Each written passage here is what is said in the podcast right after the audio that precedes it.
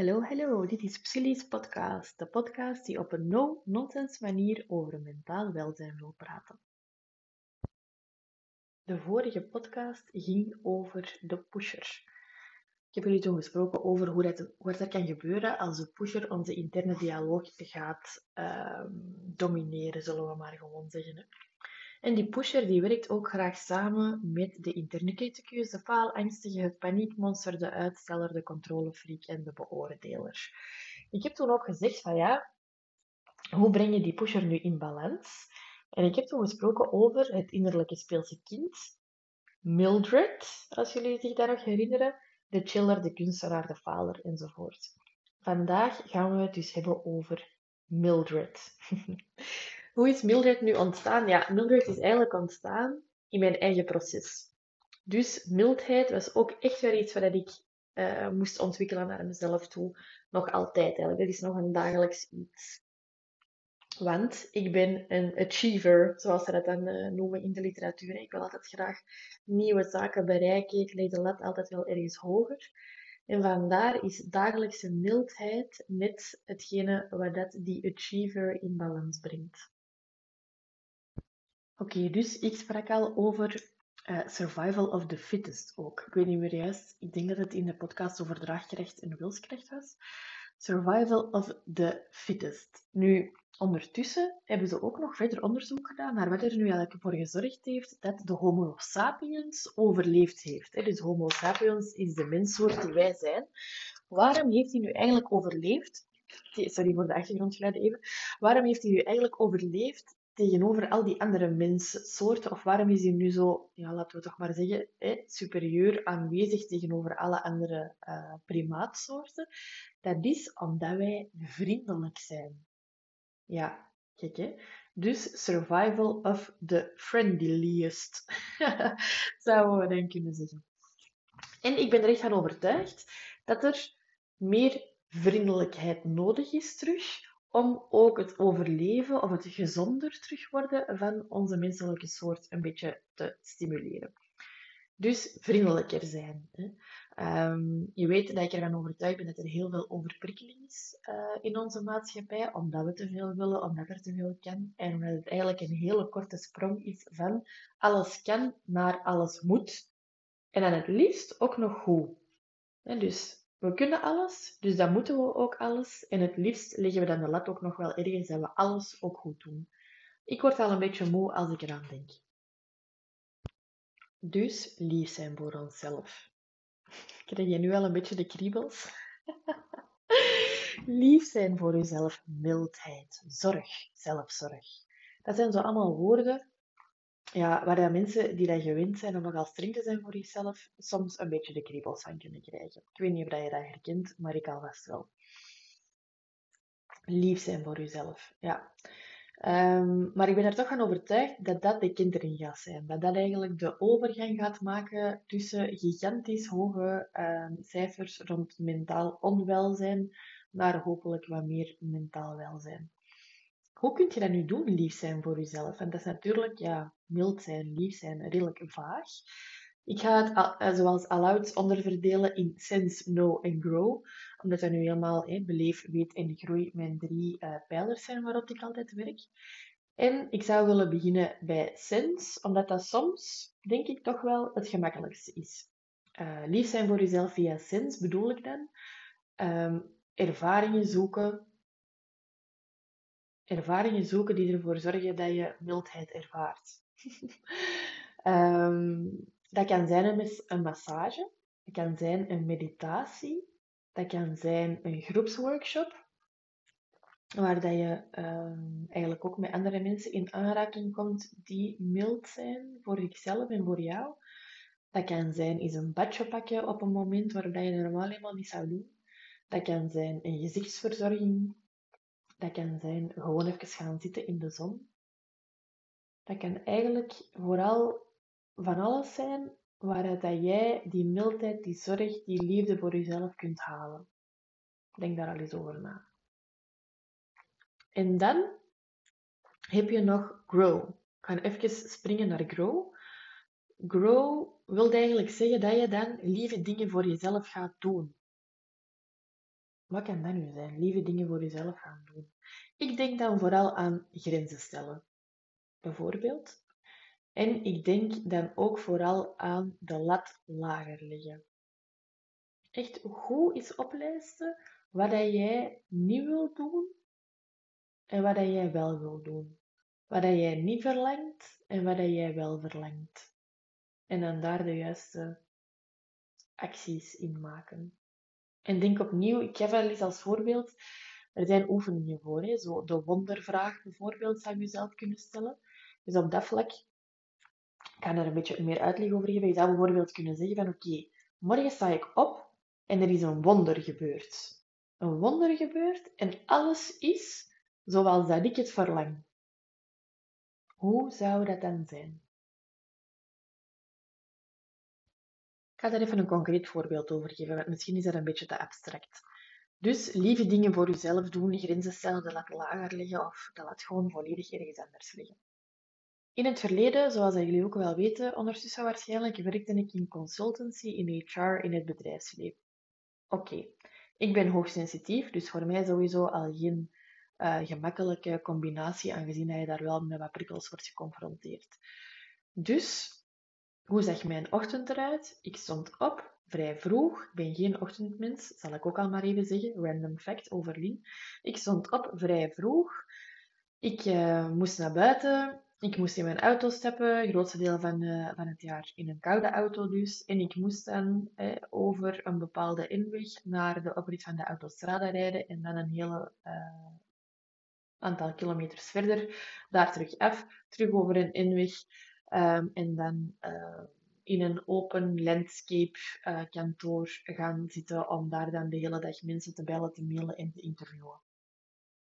Ja, en ook met collega's samen te zitten. En ondanks het feit, moesten ze luisteren, want het is wel echt zo, dat ik mijn collega's daar heel fijn vond, was dat voor mij echt continue overprikkeling. Ik was continu overprikkeld. Dus, los van het feit dat er eigenlijk met die omgeving of met die structuur of met die manier van leven voor iemand anders niks mis mee is, was dat voor mij echt niet lief zijn voor mezelf. Lief zijn voor mezelf is zoals nu, opstaan, naar beneden gaan, meteen buiten komen om mijn zoontje te voet naar het schooltje om de hoek te brengen, terug te wandelen, ongeveer een uur voor mezelf te hebben om in de juiste mindset te komen en dan prikkel per prikkel, dus cliënt per cliënt, te spreken en één ding tegelijkertijd te doen. En dan, na een aantal uur, even pauze, een uur ook weer, rustig eten, even naar buiten kunnen gaan, terug even te werken en dan terug te voet of met de fiets mijn zoontje van school te kunnen gaan halen een beetje verder. Dat is voor mij een ideale dag. Hè? Rust, focus, rust, focus. Ja, en dan twee kinderen onder de drie jaar, dus geen rust. Hè? Maar dan eens dat die in hun bed liggen, meestal wel terug. Dus dat is lief zijn voor mezelf. Om mezelf toe te staan, om dat, om, om dat soort van dag eigenlijk te hebben en niet in de mainstream te gaan, uh, wat dat eigenlijk voor mij als persoon, als hoogsensitieve persoon, niet zo fantastisch goed werkte. Concreet. Hè? Dus je kan bijvoorbeeld gaan kijken van, wat doe ik nu? En wat zou ik doen als ik lief zou zijn, mild zou zijn voor mezelf? Oké, en om dan over te kunnen gaan naar lieve dingen voor jezelf te doen, moet je misschien ook wel eerst lief over jezelf gaan denken. Ik ben echt mezelf nu aan het inbeelden. Het type cliënten waar ik mee werk is nu echt zeer oncomfortabel aan het squirmen in een stoel. Maar goed. Dus lief over jezelf denken wil zeggen, in uw interne dialoog moet eigenlijk Mildred, en je weet, ik zeg niet vaak moet, alleen als ik echt overtuigd ben, moet Mildred aanwezig zijn, moet mildheid aanwezig zijn, moet compassie aanwezig zijn.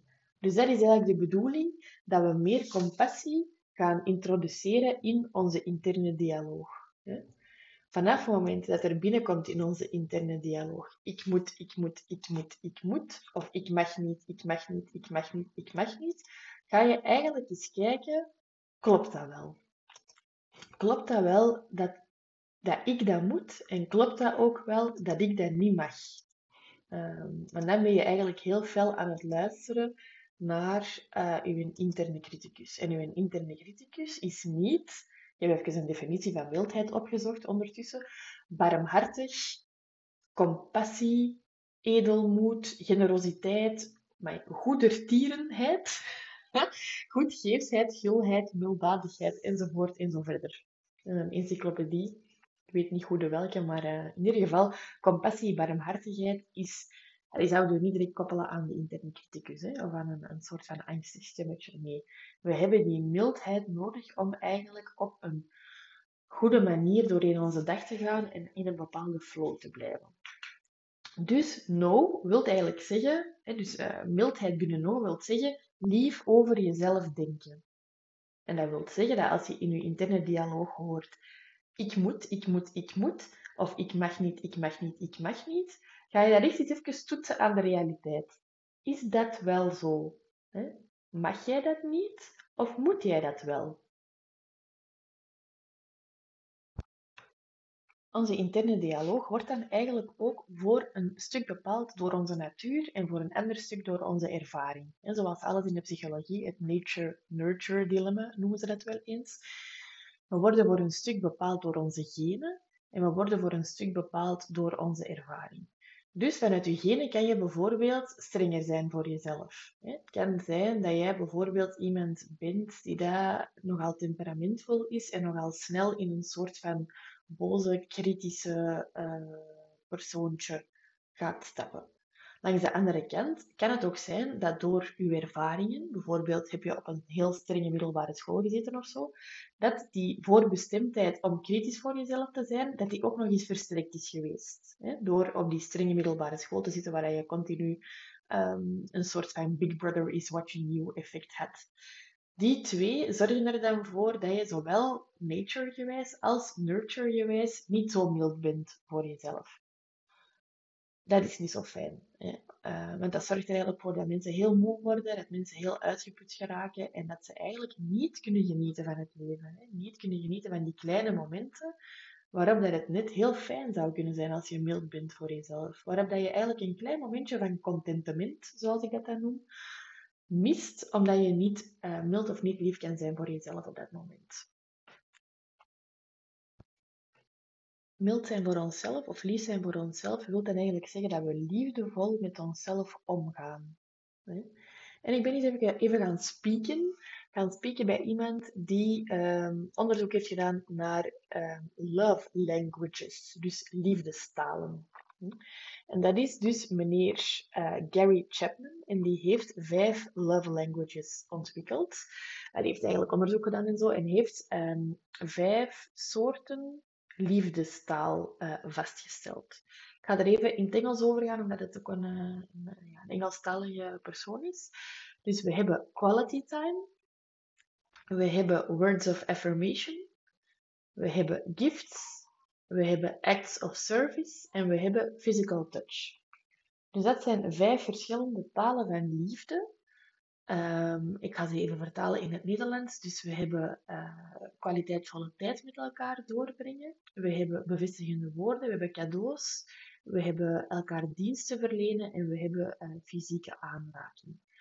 Je moet eens bedenken, mensen zijn sociale wezens. Hè? En uiteraard zijn dus liefdestaal naar elkaar toe is heel belangrijk. Maar langs de andere kant heb je toch ook een relatie met jezelf. En die jezelf is eigenlijk de enige persoon waarvan je zeker bent dat je de rest van je leven mee door één deur moet gaan. Dus het zou toch wel fijn zijn, moesten we ook liefdevol kunnen omgaan met onszelf, want dat hebben we dan toch altijd. Elke dag als we opstaan, vanaf het moment dat we opstaan, vanaf het moment dat we gaan slapen, hebben we eigenlijk die liefde voor onszelf die ervoor zorgt ja, dat je zelfwaardering hebt, dat je eigenlijk in een bepaalde flow terechtkomt, waarin dat je um, positief het leven ervaart. Laat ik dat maar zo zeggen. En die vijf liefdestalen zijn eigenlijk heel concrete manieren waarop dat je dat zou kunnen leren doen. En waarom, ja, ik weet niet, moet ik eigenlijk nog uitleggen waarom dat we aan zelfzorg moeten doen? Ehm, als je kijkt naar de wereld rond ons, denk je dat dat zichzelf een beetje uitlegt. Maar hoe, waarom vind ik dat we aan zelfzorg moeten doen? Is omdat de wereld, of de, de buitenwereld eigenlijk niet echt ehm, voor ons zal zorgen. De buitenwereld geeft ons veel mogelijkheden, geeft ons veel uitdagingen, geeft ons veel prikkels, geeft ons veel manieren om onszelf te ontwikkelen. Maar in de, in de, de flow van de buitenwereld waarin we nu leven, is rust en zelfzorg en mildheid en, en liefde. Dat zit er zo niet echt in. We zitten zo in een vrij uitdagingsgerichte maatschappij. Ik weet niet hoe je daarmee eens bent, maar het is in ieder geval hoe dat ik het zie. Dus uitdaging zoeken is niet zo moeilijk eigenlijk. Prikkels gaan opzoeken is echt niet zo moeilijk. Hè? Alles kan. Opportuniteiten gaan, gaan zoeken is niet zo moeilijk. Het is vooral het terugplooien op onszelf dat moeilijk wordt gemaakt soms. Het quality time hebben met onszelf. Het lief zijn voor onszelf. Ehm, dat zijn zaken die momenteel in onze maatschappij, waar je echt moeite voor moet doen om dat te doen. Hè? Om niet in dat, in dat rad mee te draaien van die snelheid en van die uitdagingen en van al die opportuniteiten dat er zijn. Maar dat geloof mij ook iets positiefs is. Ik vind dat ook iets positiefs, hè, dat er veel. Hè. Maar het is wel zo dat, dat, dat ons systeem dat we hebben, de combinatie tussen, onze lichaam en ons, eh, tussen ons lichaam en onze geest, dat dat wel zijn beperkingen heeft, wel zijn limieten. En vandaar is dat mild zijn nodig, omdat anders die pusher het gewoon overneemt en achter al die uitdagingen die dat er zijn, gaat aanhollen, zonder eigenlijk rekening te houden met het feit dat wij lichamelijk en geestelijk wel ergens onze limieten hebben. Nu, ik denk en ik hoop dat in uw interne dialoog je wel iemand als voorbeeld kunt pakken. Dus om dat stemmetje in uw interne dialoog een beetje naar boven te krikken, wat verder van voor in de bus te zetten of meer van voor op het podium, hoe dat je het ook wilt zeggen, ik hoop dat je ergens in je leven, of in films, in boeken of zo, een voorbeeld hebt van iemand die dat zo lief is of was. Klassiek is dat dan de Boma, of uh, als we gaan kijken naar Harry Potter, is dat Molly Weasley. Als we gaan kijken naar uh, die films met die vampieren daar, is dat die, die vampierenmoeder. ik ben even helemaal kwijt hoe dat, dat heet. Uh, ik ga er ook niet op komen, dus ik ga hier nu even gewoon voorbij. Um, de Fairy Godmother van Assepoester. Um, er zijn veel voorbeelden. Hè? Dus iemand die dat compassievol is, die dat lief is, die dat zegt tegen u van, man, manneke toch. Zou dit niet eens een beetje rustiger aandoen? Of, maar manneke toch, zet u even, hier is een tasje. Dat is het stemmetje dat je in jezelf meer naar voren mocht halen. Om niet omdat je niet meer mocht presteren, niet omdat je geen resultaten meer mocht halen, maar omdat het nodig is om even op jezelf terug te plooien, even te rusten, even fun te hebben gewoon, even gewoon te genieten, om dan weer al verder vooruit te kunnen gaan. Dat is wel het nodig. Dat is wel echt nodig. Hè? Dus dat gaat mij niet wijsmaken dat je dat niet nodig hebt. Um, ik zie te veel voorbeelden in mijn praktijk van mensen die gewoon onbewust blijven gaan en die dan uitvallen. En het grootste, de grootste gemene tussen die mensen is dat ze niet mild genoeg zijn geweest voor zichzelf, dat ze te hard gepusht hebben, dat ze te veel kritiek hebben gehad op zichzelf en dat ze te weinig rust en te weinig fun in hun leven hebben gehad. En nu, zeker met corona, is het ook echt wel heel belangrijk dat we toch nog bepaalde vormen van rust en fun kunnen hebben. Je moogt werken uh, zeker en vast. En je mocht de lat voor jezelf hoog leggen. Ik heb daar allemaal geen problemen mee. Maar liefst wel op een constructieve manier. Dus altijd even rusten en dan er terug voor gaan. Oké, dus die five love languages. Um, kwaliteitsvolle tijd, bevestigende woorden, cadeaus, um, dienstverlenende zaken doen naar jezelf. Um, en dan die fysieke touch, dus die fysieke aanraking. Dat zijn eigenlijk nu vijf huiswerkopdrachtjes voor jou. het is erg, maar het is er ingeslopen. Ik kan er niet aan doen. Ik weet, sommige mensen kunnen dat echt niet verdragen, dat psychologen en psychotherapeuten huiswerk geven, maar ik doe het toch. Ik doe het toch. Dus breng eens wat kwaliteitsvolle tijd met uzelf door. Zeg eens bevestigende woorden naar uzelf. Geef eens een cadeautje aan jezelf. En dat moet geen handtas van 5000 euro zijn. Hè. Iets kleins is echt al wel voldoende. Een lekkere koffie of zo, bijvoorbeeld. Doe eens een act of service naar jezelf toe. Wat zou nu eens echt dienstbaar zijn naar jezelf? Wat zou een dienst zijn dat je jezelf verleent? En dat kan, ik heb een voorbeeld dat bij mij opkomt, is dan, op een gegeven moment heb ik een automatisch kalendersysteem geïntroduceerd. Dat is echt mezelf een dienst verlenen, omdat ik altijd anders over en weer uh, lag te mailen met cliënten en mij dan veel tijd en energie kost. En die cliënten trouwens ook. Hè. Dus een act of service naar jezelf toe. Mijn zus, die dat mijn, uh, hi Anke, die dat mijn, uh, mijn website voor mij doet, omdat ik daar een vierkant hoofd van krijg. Acts of service naar mezelf toe. Hè. Mild zijn naar mezelf toe. Je moet niet alles kunnen. En dan fysieke touch. Ik ga om de drie weken om de maand naar de massage. Vind ik fantastisch. Hè? Om de overprikkeling ook een beetje te managen en gewoon om, ja, gewoon om lief te zijn voor mezelf. Ik vind dat dat moet kunnen. Dus dat zijn bijvoorbeeld, uh, ja, dat zijn dus voorbeeldjes van hoe dat je die vijf liefdestalen bij jezelf zou kunnen toepassen. Spannend, hè? Liefdevol. Ik zal even mijzelf in de stem opzetten, vind ik zelf ook verschrikkelijk, maar het is belangrijk dat we leren om liefdevol met onszelf om te gaan. ik wil het niet op zo'n zelfde manier zeggen, want ik krijg daar zelf wat de kriebels van. Maar het is wel echt heel belangrijk, hè, dat liefdevol met onszelf omgaan. Oké, tijd voor de recap, want ik kan hier uren over doorgaan, maar ik denk dat ik het belangrijkste gezegd heb. Dus, survival of the friendliest. Kom aan, moet het nog duidelijker zijn. Hè? Homo sapiens heeft alle andere soorten voorbijgestoken, gewoon puur en alleen gebaseerd op vriendelijkheid, omdat wij een vriendelijke soort zijn. Dus, vriendelijkheid, mildheid, lief zijn, is echt een hele belangrijke vaardigheid voor overleven. Alles kan, alles moet en het liefst ook nog goed. Dat kan, dat mag. Hè? Je, je, je mag van mij veel willen en, en veel prestaties willen leveren, maar kom altijd terug even in die comfortzone en wees lief voor jezelf. Hè? Van massages over meditaties, over badges en facials, naar um, tegen jezelf zeggen: het is goed zo, het is goed genoeg zo, 80-20. Uh, dus zal ik nog wel eens een hele podcast aan wijden aan het 80-20-principe. Maar kort samengevat gaat dat erover dat je eigenlijk te veel energie steekt in alles op 100% proberen te krijgen. Dus als je alles 100% goed wil doen, dat gaat niet. Mikt op 80. En die 20% dat je probeert nog erbij te lappen, van de 80 naar de 100, kost je echt onnozel veel energie. Dat is kort samengevat waar het 80-20-principe over gaat. Dus wees lief voor jezelf, leg de lat op 80 in plaats van op 120, zoals je jezelf misschien wel zal herkennen daarin. En zeg tegen jezelf, het is goed zo.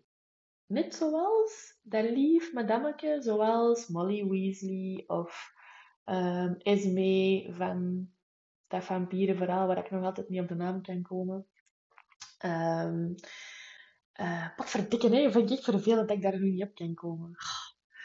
Maar goed, uh, ik zal mild zijn. Ha, Ik zal mild zijn voor mezelf en het gewoon loslaten. Twilight. Twilight. Zie, ik, ik liet het los en daar kwam het ineens. Dus Esme van Twilight, um, The Fairy Godmother van uh, Assopoester, Molly Weasley van Harry Potter. Het is die soort van stemmetjes dat meer naar voren mag komen in je interne dialoog, zodat je lief over jezelf kan denken. En dan kan je nog lieve dingen voor jezelf gaan doen. En dan is dat bijvoorbeeld grenzen stellen, dat laat niet zo hoog liggen. En als je daar nog wat verder in wil um, praktisch vooruit geraken, dan kan je die vijf love languages gebruiken. Dat kan je ook gewoon zo opzoeken op Google. En dat gaat dan over quality time, bevestigende woorden, cadeaus, acts of service en physical touch naar jezelf toe. En dan ga je merken dat je dus sowieso veel minder last gaat hebben van stress, omdat je altijd vanuit die stresszone of die uitdagingszone waar je terecht bent gekomen en die daar eigenlijk ervoor zorgt dat je stresshormonen gaat produceren, dat je terug in die comfortzone komt, dat je lief bent voor jezelf, dat je dingen gaat doen die dat goed zijn voor jezelf en dat je dus kan rekenen op ons lijf dat dan ook de juiste stofjes gaat produceren om te herstellen. Dus daarom is het eigenlijk zo belangrijk. Ik hoop dat ik jullie hierbij gemotiveerd heb om lief te zijn voor jullie zelf. Wil je meer weten over Psylli, dan kan je ons volgen op de Instagram-pagina Psylli Grow. En je vindt ook alle andere inhoud op de website www.psylli.me www.psylli.me, dat is aan het Engelse mij. Dat is niet zo slim uh, bedacht, maar op zich is het concept wel goed, vind ik. um, voilà, ik kan alleen nog maar zeggen, stay sane. En tot de volgende keer.